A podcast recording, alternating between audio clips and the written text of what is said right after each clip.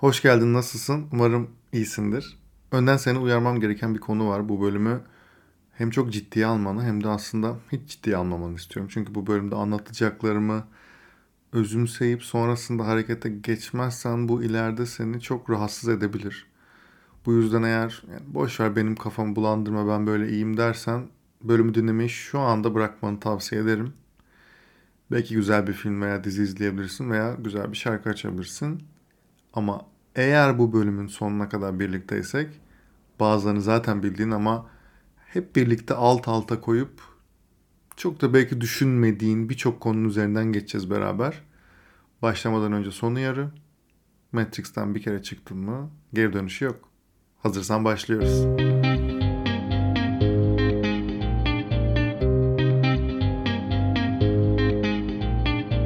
Merhaba, ben Hakan Şık. Fikrin ne kadar önemli ve aslında ne kadar da önemsiz olduğunu konuşacağımız podcast serisi Bedava Fikre hoş geldin.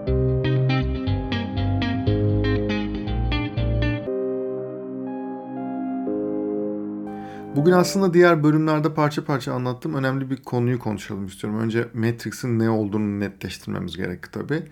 Yani filmi izleyip izlememenin şu anda çok bir önemi yok ama yine de bir giriş olması açısından Matrix işte 1999 yılında vizyona giren ve girdiği zaman da oldukça ses getiren bir bilim kurgu filmi.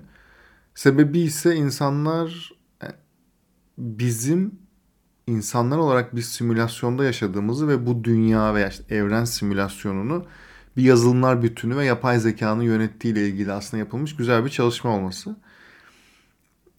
Yani yaşayan istisnasız herkes hayatının belirli dönemlerinde bu simülasyonu farklı şekillerde düşünür. En azından en yaygın şekli bildiğin gibi dinler üzerinden. Özellikle büyük dinler olarak adlandırılan ana dinlerin hepsinde yani bir tanrı veya Allah kavramı yani büyük bir gücün bir simülasyon oluşturduğu ve bu simülasyon içerisinde de bizi yarattığı varsayılır. Bazı insanlar da yani bu dinlere inanmasalar bile yaratıcı bir gücün, büyük bir gücün varlığı üzerinden bu simülasyonun varlığına inandıklarını söylerler. E bir diğeri de bir tanrı veya Allah'ın varlığına inanmayan kişilerin bu evrenin rastlantısal veya henüz açıklanamayan bilimsel bir sebeple oluştuktan sonra bizim içerisinde yine rastlantısal olarak var olduğumuz ve yaşadığımız teorisi. Şimdi bu anlattıklarım, bu bahsettiklerim en üst katman metrik simülasyonu olsun. Yani en çok insanın inandığı şekliyle bir yaratıcı veya büyük gücün yarattığı bir evrende tıpkı işte şu an birçok insanın oynadığı oyunlardaki dünyalar gibi aslında yaşadığımızı varsayalım. Bu en üst katmandaki simülasyonun gerçek olup olmadığı veya nasıl bir gerçeklik olduğu ile ilgili yani ne kadar düşünürsen düşün, ne kadar düşünürsek düşünelim. Bugünün şartlarında pek bir yere varmak mümkün değil maalesef. Yani Big Bang teorisinden dini hadislere varana kadar istediğimiz yere bakalım. Bir kesinlikten söz etmek çok mümkün değil. Adı üzerinde inanmak zaten ancak inanabiliyoruz.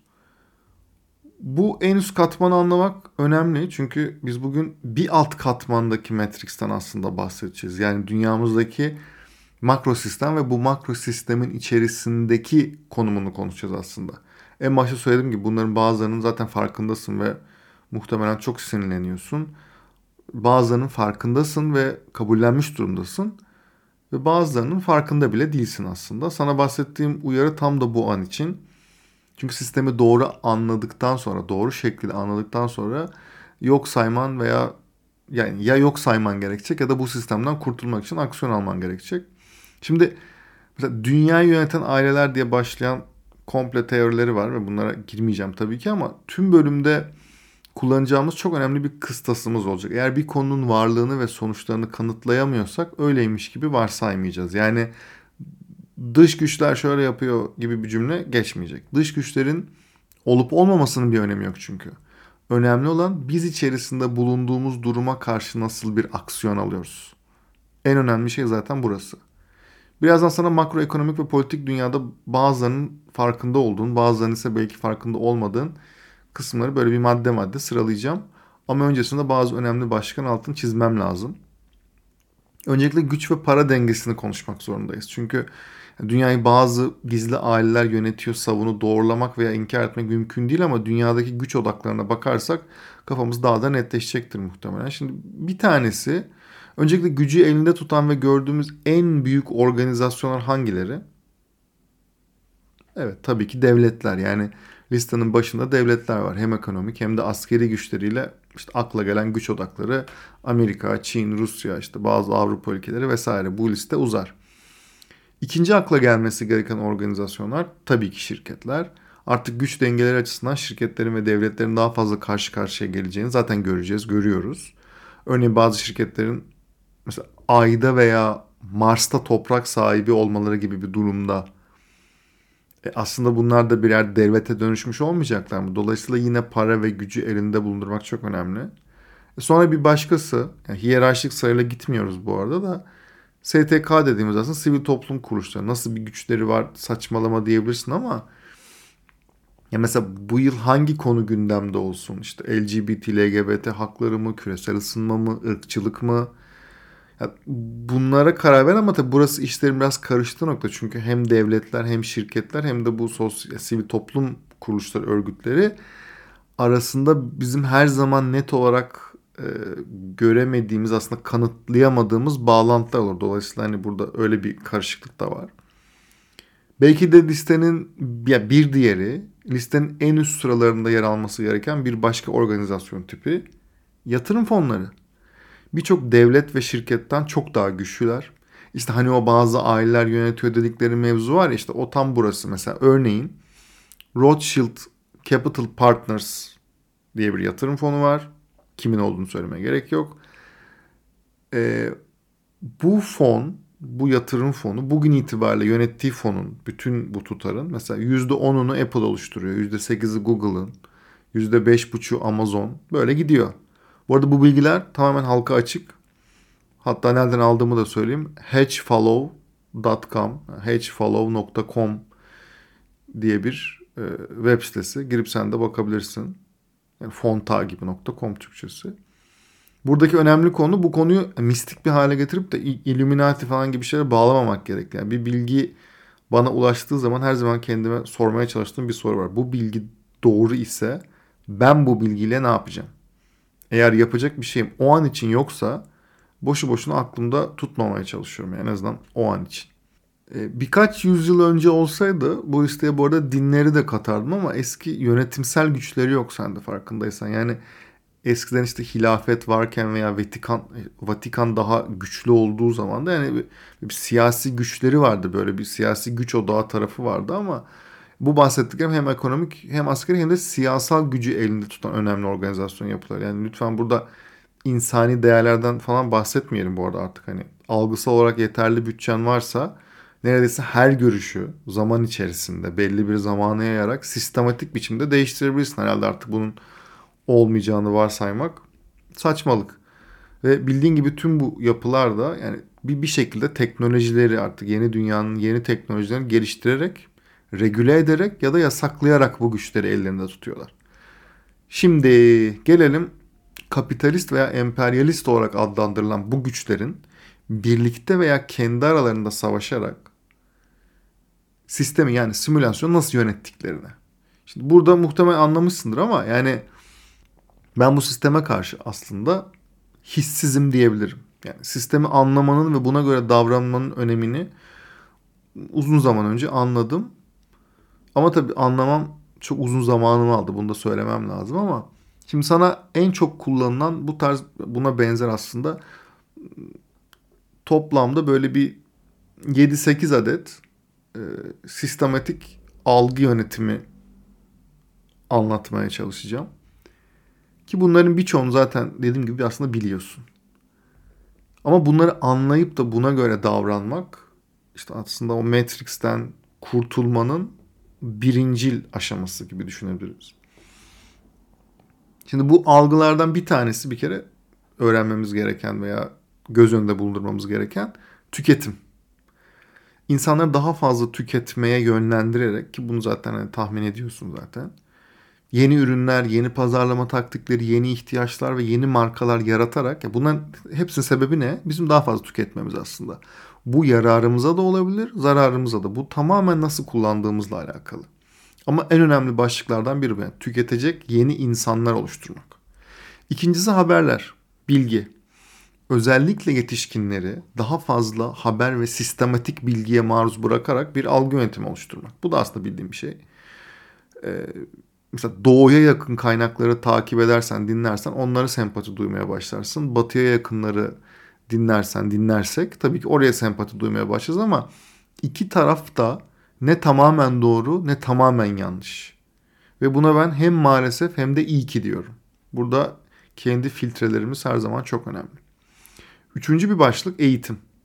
Yani tüm dünyadaki eğitim sistemi bir kere çöktü. Artık bu çok net ortaya koymamız gereken bir şey. Yani ama sadece bunu yeterince konuşmuyoruz.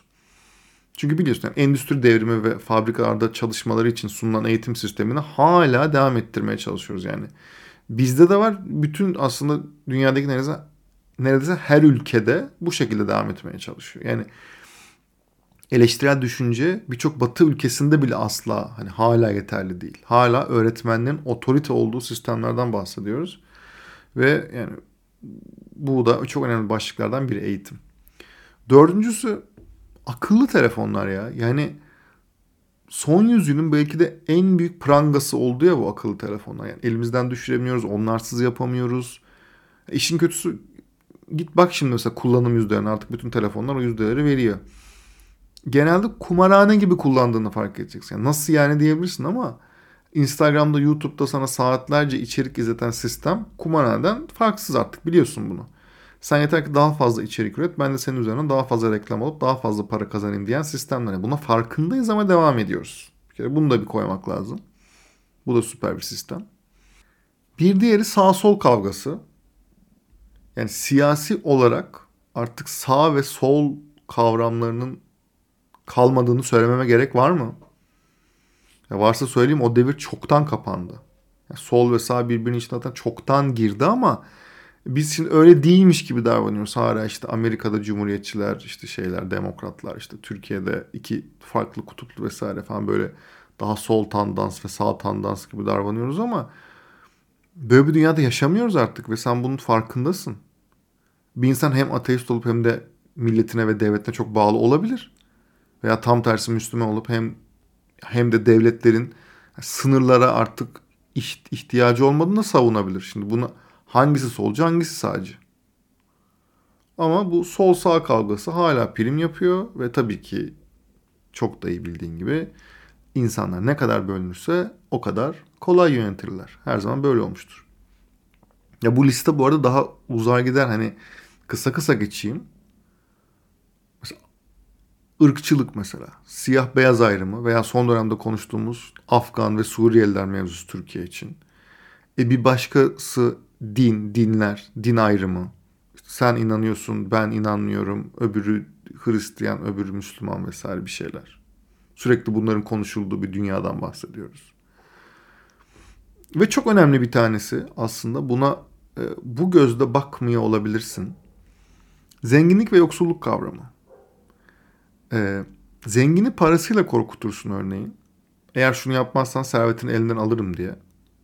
Yoksul da açlık ve değer yargılarıyla daha çok korkutursun. Eğer şunu yapmazsan aç kalırsın veya toplum seni dışlar diye. Yani yoksul olduğunda değer yargıları ve mahalle baskısı bu yüzden aslında öne çıkıyor. Sen hiç duydun mu Suriyeli bir multimilyonerin, dolar mil, milyonerin Türkiye'de sorun yaşadığını? O seviyede yoktur bu. Dediğim gibi bu arada bu liste uzuyor gidiyor. Her toplumda tabii ki farklı dengeler ve o dinamiklerin bağlı olduğu yani makro dinamikler var ama bunları anlamak ve buna göre davranmak aslında önemli. Bence artık az çok hakimiz yani Matrix'in en azından sistemsel Matrix'in ne olduğunu ve nasıl işlediğine.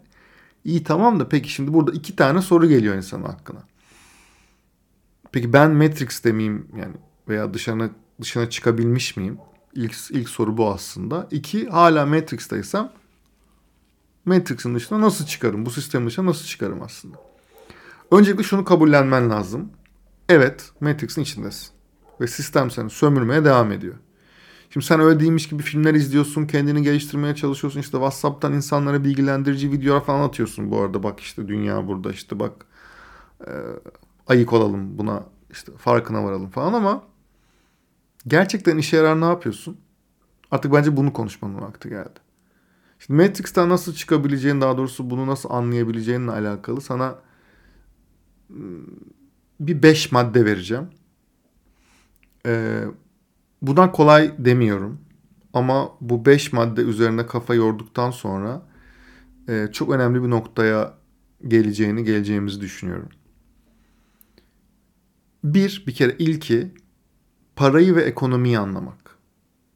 Belki de üzerine çalışman gereken en ama en önemli yer tam olarak burası. Dünyadaki para nereden nereye akıyor? Neden akıyor? İşte G20 ülkelerinde hangi sektörlerde ne oluyor? Makroekonomik dengeler her yıl nasıl değişiyor? Bunlar çok büyük büyük şeylermiş gibi görünebilir ama sana bu anlamda ekonomisti takip etmeni önerebilirim. Global dergi. Ama Instagram hesabını falan değil. Yani Instagram hesabını takip ederek bir şey öğrenemezsin. Bayağı bildiğimiz global dergiyi alıp artık dijital versiyonları da var. Bunları okuman lazım en başta. Sonrasında zaten hangi indikatörleri nasıl takip edeceğini az çok anlıyorsunuz. Ama yani şey bahsettiğim şey borsa takip etmek falan değil yani şu hisse ne oldu ne bitti değil yani. O makro dinamikleri takip etmek ve onları anlamak lazım. Buna çok ciddi kafa yormak gerekiyor. Benim en çok zamanımda bu arada burası aldı. Onu da söyleyeyim. İkinci madde yine parayla ilgili. Şimdi makro düzeyde ekonomiyi anladıktan sonra veya anlarken mikro düzeyde de paranın nasıl işlediğini anlaman gerekiyor. Sana bir egzersiz vereceğim. Ee, daha önce yaptığını veya duyduğunu da sanmıyorum bu arada. Ama eğer gerçekten yapmayı başarabilirsen çok büyük bir farkındalığa sahip olacaksın. Bunu söyleyebilirim. Şu andan itibaren eline aldığın her eşyanın her eşyanın hangi koşullarda nasıl bir pazar ve nasıl bir ihtiyaç üzerine üretildiğine kafa yorma. Nasıl bu? Kolay mı geldi sana zor mu? Mesela elindeki telefondan metal çatala, işte pijamandan tuvalet fırçasına kadar. Bu eşyalar nasıl üretildi ve nasıl senin evine geldi? Bunları üreten kişiler neleri düşünüyor, nelere kafa yoruyor, bunu anlaman için gerçekten tuvalet fırçasını nasıl yapar ve satarım, diğerlerinin arasından nasıl sıyrılırım diye bayağı ciddi düşünmen gerekiyor mesela. Yani her 1 TL harcadığında herhangi bir şeye, her 1 TL harcadığında bu paranın senin elinden nasıl ve neden alındığını düşünmenden bahsediyorum. Bunun ne kadar önemli bir egzersiz olduğunu sana anlatmam mümkün değil. Bu belki de en önemli maddelerden biri. Bir diğeri üçüncüsü günlük hayatında en çok kimlerle konuşuyorsun? Yani günlük hayatındaki yüz birim konuşmanın ne kadarı havadan sudan konular, ne kadarı dedikodu, ne kadarı boş işlerle alakalı. En önemli amacım bu boş konuşma yüzdesini olabildiğince aşağı indirmek olmalı. Benimkini söyleyeyim. Benimki %10'u geçmiyor. Çok net artık günlük. Ve bu gerçekten sana sıkıcı bir hayat gibi gelebilir. Bir noktada evet sıkıcı da bu arada belki birçok insan için. Bir benimle örneğin dedikodu yapmak istediğinde ikinci cümlede ben bu bilgiyle ne yapacağım diye soruyorum. Baya ciddi ciddi. Tamam okey anladım ama bununla ne yapacağım? Bunun bana ne faydası var? Şu an bunu niye konuşuyoruz? Baya gıcık bir haline gelebiliyorum aslında ama bu benim çok işime yarıyor. Zaten bir yerden sonra insanlar ben de bunu konuşmaktan vazgeçiyor. Ama bunu gerçekten yapmaktan bahsediyorum. Yani eşinle, arkadaşlarınla, çocuğunla, çocuklarınla, annenle, babanla. Ne konuşuyorsun gerçekten? Çünkü bu konuştukların senin Matrix'in içinde kalmanı veya buradan çıkmanı sağlıyor aslında. Bunu anlamak da biraz zamanla alabilir. Bir diğeri, dördüncü diyelim. Şunu unutmaman lazım. Kimse seni gelip bir şey yapman için zorlamayacak en yakınından en sevmediğin, gıcık olduğun kişiye kadar herhangi biri gelip de seni bir şey yapman için, kendini geliştirmen için, bir şey başarmak için asla ve asla zorlamayacak. Ben de yapamam. Kimse yapamaz bunu. Kimse gelip sana neden kendini geliştirmiyorsun, faydalı şeyler yapmıyorsun gibi cümleler kurmayacak. Çünkü eğer onlar yapmıyorlarsa seni de yapmanı istemeyecekler bu arada. Maalesef bu rahatla çok alıştığın için belki senin de aklına gelmeyecek. Beşinci ve son madde aklımıza tutmamız gereken ve üzerine kafa yormamız gereken. Biraz depresif görünebilir ama ben buna mesela o gözle bakmıyorum. Yalnız doğuyoruz ve yalnız ölüyoruz.